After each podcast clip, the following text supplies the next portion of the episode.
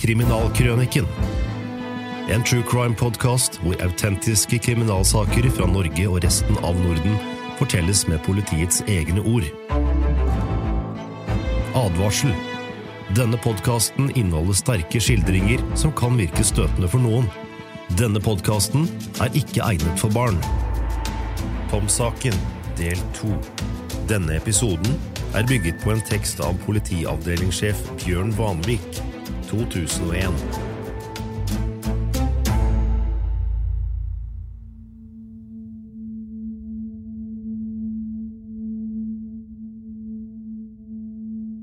En ung mann fra Tananger utenfor Stavanger er meldt savnet. Tom skulle feire russetiden, men da han ikke møtte til russetreff som avtalt og ikke var å finne, meldte foreldrene ham savnet. Etterforskningen har ledet politiet til en mann som heter Yang, og hans kamerater. Yang driver diskoteket Rockefeller på Bryne. Han har som mål å bli restaurantkonge i distriktet, men er i pengetrøbbel. Sammen med noen venner planlegges både innbrudd, ran og til og med likvideringer for å skaffe penger.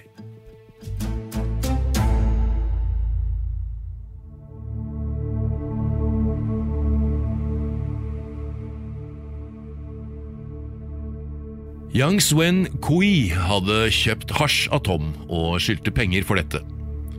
Tom hadde derfor ringt etter Kui, og på denne måten kommet i kontakt med Yang. Han hadde også kjøpt et større parti med hasj av Tom, som han hadde solgt videre til Koi. Hva som er den egentlige grunnen til at Yang fikk Tom til å komme ut til diskoteket Rockefeller på Bryne natt til 1. mai 1998, får vi aldri vite. Muligens var det som Yang selv forklarte, at han ville gi Tom en lærepenge, siden han drev og maste etter pengene som Koi skyldte ham. Var det dette han ikke likte? Ville Yang skremme Tom ved å dope ham ned etter at han hadde kommet til Rockefeller, og deretter kjøre ham tilbake til Stavanger for å etterlate ham i et busskur? Det var det Yang selv forklarte, en slags russespøk.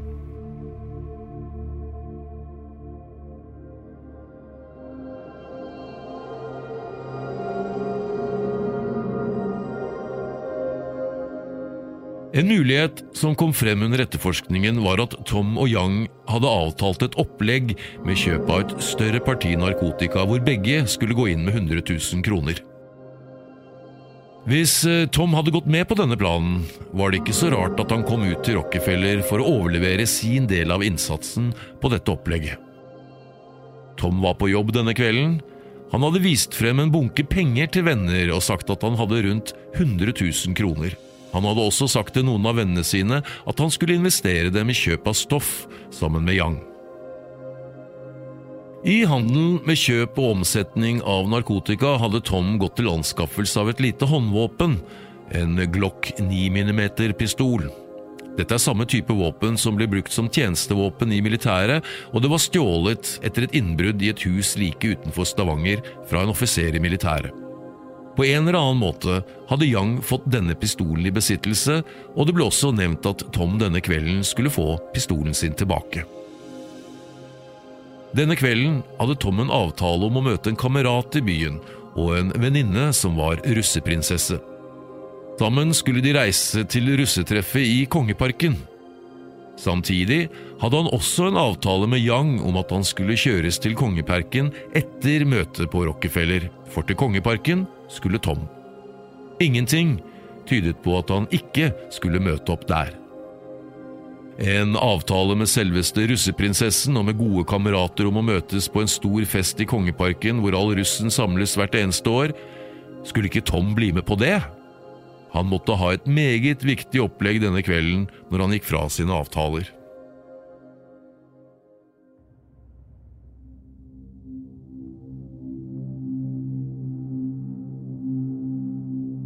Tidligere 30. april hadde Yang, Koi og Ståle vært i byen og kjøpt to sett med håndjern. Disse skulle brukes på Tom, og deretter på vanskelige gjester de måtte stri med på Rockefeller. Finlandshettet hadde de også anskaffet seg, og i tillegg en del narkotiske tabletter som skulle blandes ut i drikken til Tom, slik at han sovnet. Under et av møtene hjemme hos Yang hadde Elias blitt spurt om han kunne tenke seg å ta livet av Tom. I begynnelsen sa Elias at han ikke trodde Yang mente alvor, og at han derfor hadde sagt ja da han ble spurt. Ståle var også blitt spurt om han ville stille opp på Rockefeller denne kvelden for å være med på en russespøk, noe han skulle få noen tusenlapper for. Han hadde også sagt ja til Yang. De hadde snakket om og planlagt hva de skulle gjøre når Tom kom inn på Rockefeller. Alt det praktiske var planlagt.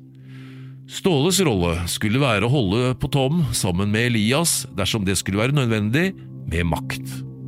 Koi skulle også være til stede, men han skulle holde seg skjult med Glokken som en slags sikkerhet i tilfelle uforutsette problemer skulle oppstå. Yang skulle holde seg helt i bakgrunnen. Nå begynte planen til Yang å realisere seg for alvor. Alt var lagt til rette for at dette skulle bli vellykket for hans del. Elias kjørte til Tananger med sin egen bil for å hente Tom ved 23-tida, og Tom kom som avtalt. Bagen med russeklærne slengte han i baksetet og satte seg inn i passasjersetet på bilen. De to snakket om løst og fast på veien ut til Rockefeller. På kjøreturen tok Tom fram pengene. Disse skulle bare overleveres til Yang før han reiste videre til russevennene sine. Eller var det en avtale at både Yang og Tom skulle levere hver sine 100 000 kroner til noen andre denne kvelden? Et slags felles opplegg der begge to investerte like mye. Eller ville Tom stole så mye på Yang at han ga fra seg hele bunken med penger for så å reise igjen? Dette får vi aldri svar på.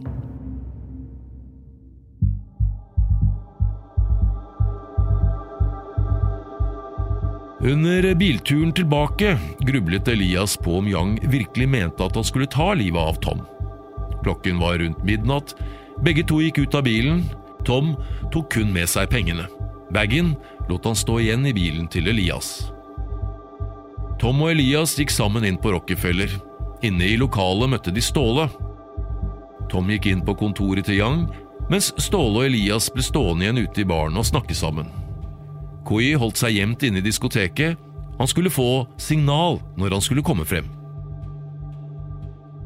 16-åringen tok frem Glokken og satte et magasin med skarpe skudd i pistolen. Skuddene hadde Yang kjøpt noen dager i forveien. Koi var klar. Han stappet pistolen i bukselinningen og beveget seg rolig ut av diskoteket og inn mot baren. Yang og Tom snakket ikke så veldig lenge sammen før han kom ut fra kontoret til Yang igjen. Tom gikk mot sittegruppen like overfor baren og satte seg ned for å vente. Ingen av dem sa noe videre. De satt like ved baren, Elias, Ståle og Tom, da de to gorillaene grep fatt i Tom i hver sin arm. De førte ham mellom seg bort til en av søylene i eh, lokalet. Koi holdt seg skjult med pistolen i hånden.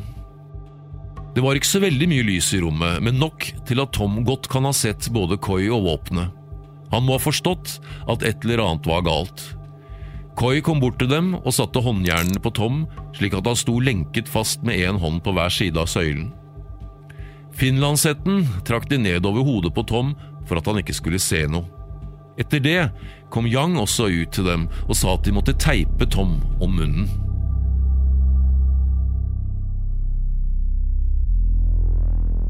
Av de få tingene Tom hadde sagt i denne fasen, var at han ga seg.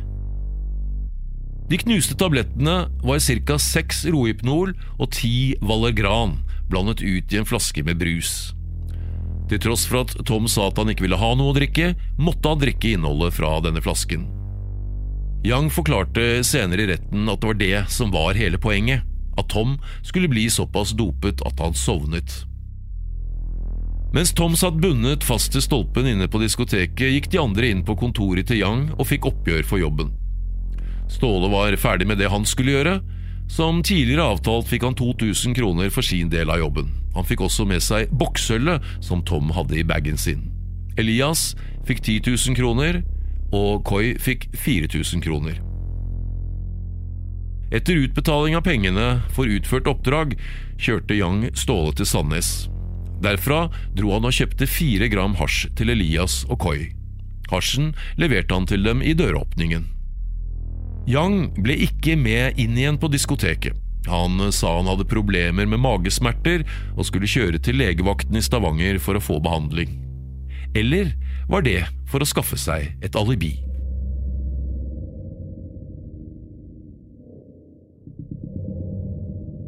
Inne i diskoteket hadde Tom blitt så sløv av tablettene han fikk at han satt og sov på barkrakken. De hadde løsnet ham fra søylen og slept han med seg inn på biljardrommet. Her hadde de lagt Tom på ryggen på gulvet med armene bent bakover, en på hver side av den ene biljardfoten og med håndjernene og finlandshetten på seg. Elias og Koi satt og snakket om hvordan de skulle ta livet av Tom samtidig som de røkte hasjen som Yang hadde kjøpt inn til dem. Elias sa at han ville presse en pute med plast mot ansiktet til Tom. Koi ville ikke at Elias skulle gjøre det på denne måten fordi hans mor var blitt kvalt på samme måten da onkelen hadde tatt livet av henne. Begge to gikk ut fra rommet igjen. Etter en stund gikk en av dem inn for å se hvordan det sto til med Tom. Han begynte å komme til hektene igjen. Han sa at han måtte på toalettet, men da de forsøkte å låse opp håndjernene, klarte de det ikke. Tom må ha sovnet igjen, for han sa ikke noe etter dette. Elias, som sa han følte presset fra Yang om å ta livet av Tom, tok pistolen som Koi hadde lagt fra seg, og stilte seg opp ved bena til Tom. Koi sto like ved da Elias skjøt. Skuddet gikk gjennom øvre del av hodet. Om Tom døde som en følge av dette, er ikke godt å si. Selve skadene etter dette skuddet var ikke dødelige dersom han hadde kommet under sakkyndig legehjelp med en gang, men det gjorde han ikke. De gikk så ut av rommet igjen for å røyke mer hasj. Etter en stund ringte de til Yang og fortalte at nå var jobben utført. De fikk beskjed om å kontrollere at Tom virkelig var død. Koi var den som gikk inn for å sjekke dette. Han sto ved siden av Tom og hørte at han lagde noen lyder. Det hørtes ut som surklelyder. Dette sa de til Yang i telefonen, og de fikk beskjed om å gjøre jobben skikkelig. Mens Elias og Koi satt sammen og røkte hasj og pratet om hva mer de skulle gjøre, sa Elias at han ikke klarte å skyte en gang til. Det ble til at de på ny gikk inn til biljardrommet hvor Tom lå. Denne gangen var det Koi som hadde pistolen. Koi tok en pute fra en sofagruppe og la denne over hodet til Tom. Pistolen holdt han bare ca. to centimeter fra hodet hans. Han snudde seg vekk for ikke å se på. Så trakk han av. Også dette skuddet gikk gjennom øvre del av hodet. Så ble alt stille i lokalet.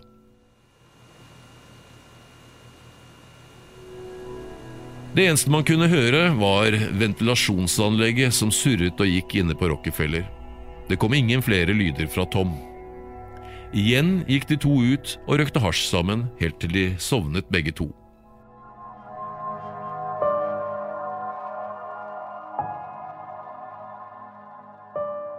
Noen eh, timer senere våknet de og startet pakkingen av liket. Det ene skuddet hadde også truffet håndjernene slik at disse hadde gått opp. De tok noen svarte plastsekker og la rundt ham. Finlandshetten tok de ikke av. Deretter teipet de sekkene og bar Tom ned i bilen til Elias ved hjelp av en sekketralle. Så plasserte de ham i bagasjerommet. Deretter gikk de opp i lokalene til Rockefeller igjen. Ingen av dem sa noe. Kort tid etter kom Yang. Han hadde etter legevaktbesøket reist hjem til seg selv. Her hadde han sittet nesten hele natten og snakket med en kamerat før han kjørte ut til Rockefeller for å hjelpe til med rengjøringen av restauranten sin. Med vaskemidler og vann vasket han vekk blodet etter Tom.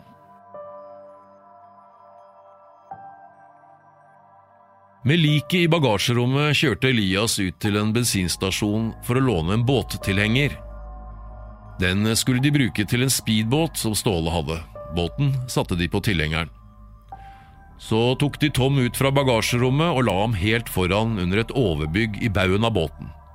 De la en presenning over ham og tok med seg en murblokk og en jernring som lå på bakken. Dette skulle de binde fast til liket og bruke som søkke. Først var det meningen at de skulle dra til Sandnes for å sjøsette båten der, men det ble slik at de reiste ut til Tananger hvor de satte båten ut. Yang ble ikke med. Han sto igjen på land og så at Elias og Koi kjørte ut mot havgapet utenfor Tananger. Like ved øya Rott dumpet de liket av Tom på sjøen. Søkket de hadde brukt, var tungt nok, og han forsvant raskt i dypet. Etter at denne jobben var gjort, ringte de fra mobiltelefonen og fortalte dette til Yang. Alle tre var med på å få båten opp på båttrallen igjen.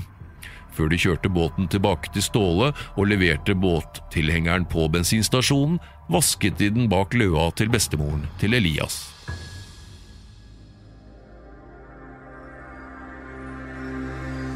Man skulle kanskje tro at en slik handling som disse personene hadde utført, ville sette dem ut av stand til å foreta seg noe de neste dagene, men nei.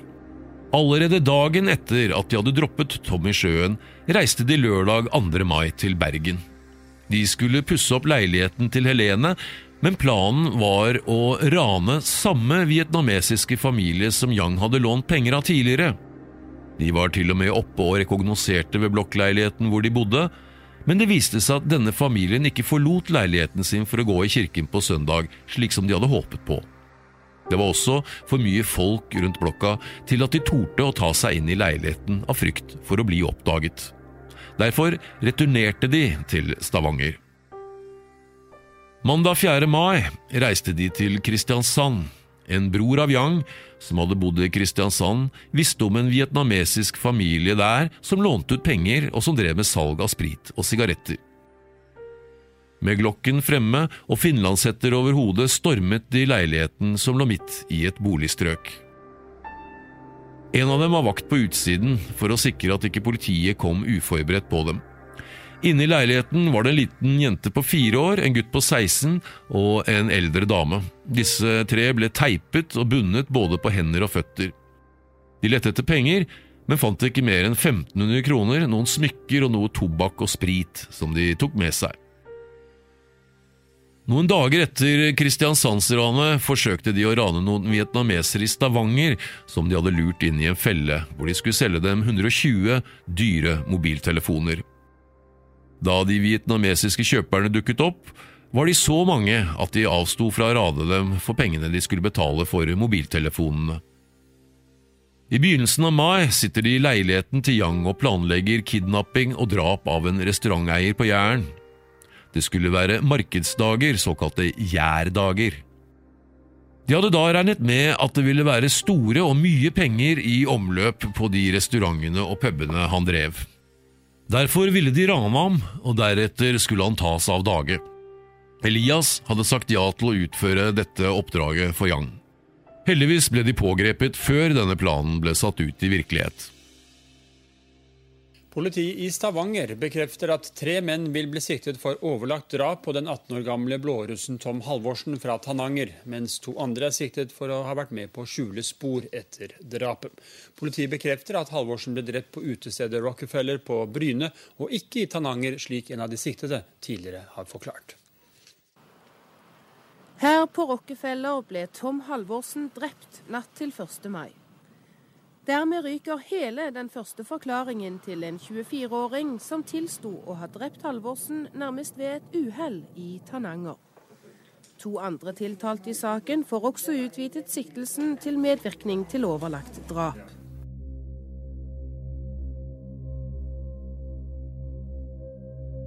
Slik hørtes det ut på Dagsrevyen 25. mai 1998. Selv med Yang, Koi og Elias i varetekt tok etterforskningen lang tid. Politiet gjorde en masse undersøkelser, og blant annet telefonsamtalen som ble tatt etter at Tom var dumpet i sjøen, ble avgjørende. Politiet tok både Elias og Koi hver for seg ut fra fengselet og direkte ut i havet med hjelp av Kystvakten for at de skulle vise dem droppstedet. Stedet de pekte ut, var ikke riktig. Dette fordi telefonutlistingen viste politiet at denne samtalen var tatt fra en annen sone. Og en ny båttur med Kystvakten ble gjennomført, og et nytt droppsted ble anvist. Politiet gjennomsøkte bilen til Elias etter tekniske spor. Her ble det funnet en del blodspor i bilens bagasjerom, til tross for at bilen var blitt grundig rengjort. Ikke alt blod lar seg fjerne like lett. Det samme var tilfellet på Rockefeller. Her ble det funnet blodspor under biljardbordbeinet da det ble skrudd av. Stedet hvor Elias hadde brent russedrakten til Tom, ble også funnet. Politiet fikk tips om at de var observert da de vasket båten grundig. Det var ikke vanlig at de gjorde dette. Derfor ble stedet de hadde stått og vasket båten, sikret. Det kom også fram at Elias hadde stått på en bensinstasjon og vasket bilen sin. Ekspeditøren hadde sett at han kastet en del ting fra bilen i en konteiner. Det kom også inn opplysninger om at både Koi og Elias en tid før likvideringen av Tom hadde prøveskutt med Glokken et sted ute på Jæren. Koi hadde skutt blink i et tre, mens Elias hadde avlivet en hund. Hunden hadde de gravd ned i et sandtak. Denne ble også gravd opp igjen for at politiet skulle kunne sikre seg kulene som var blitt benyttet. Midt oppi etterforskningen fikk etterforskerne seg litt av en overraskelse. Noen dager etter at de hadde jobbet med saken, ble mobiltelefonen til Tom tatt i bruk. Det viste seg at Elias hadde tatt mobilen og satt sitt eget SIM-kort inn. Dermed kunne man spore denne til ham. Det ble søkt etter Tom i sjøen. Noen av oljeselskapene som hadde etablert seg i Tananger, tilbød politiet å ta inn et spesialfartøy fra Nordsjøen. Skipet som politiet fikk eh, tilbud om å bruke, er spesialfartøy som blir benyttet ved undersøkelse av havbunnen når de skal legge oljeledninger. Et eh, slikt skip kostet ca. 1 million kroner per dag. Politiet benyttet to slike. Et eget mannskap ble satt i land og planla søket som skulle foretas på sjøen. Alt ble planlagt ned til minste detalj, Skipet, som var utstyrt med både undervannsradar og undervannskamera, tok videoopptak av hele søket. Bildene fra dette søket var så gode og detaljerte at en kunne se en kaffekopp, brukken hank, på 100 meters dyp. Området ble delt opp i teiger ut ifra det stedet som Elias og Koi hadde påvist. 15. mai ble Tom funnet. Han lå på 22 meters dyp. Søkket som de hadde festet ham, lå like ved siden av. Noen av plastsekkene var delvis revet opp. Timer etter funnet var det blitt laget en spesialkurv som ble senket ned til Tom sammen med en dykker som klarte å få ham opp i denne. Deretter ble han heist opp og fraktet til land, før han ble transportert opp til Gades institutt i Bergen for obduksjon.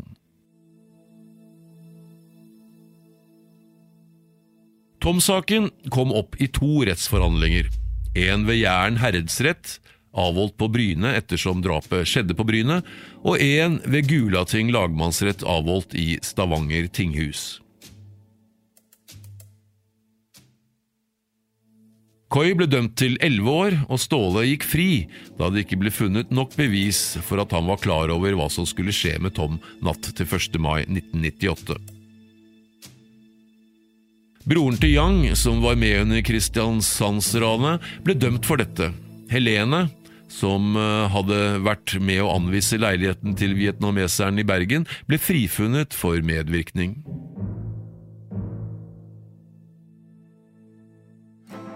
Yang og Elias ble begge dømt til lovens strengeste straff 21 år. Du har hørt Tom-saken del to. Denne episoden er bygget på en tekst av politiavdelingssjef Bjørn Vanvik, 2001. Forteller var Hans Olav Tyvold. Produsenter var Marianne Moe, Troy Langås, Christian Konglund og Christian Gilsvik.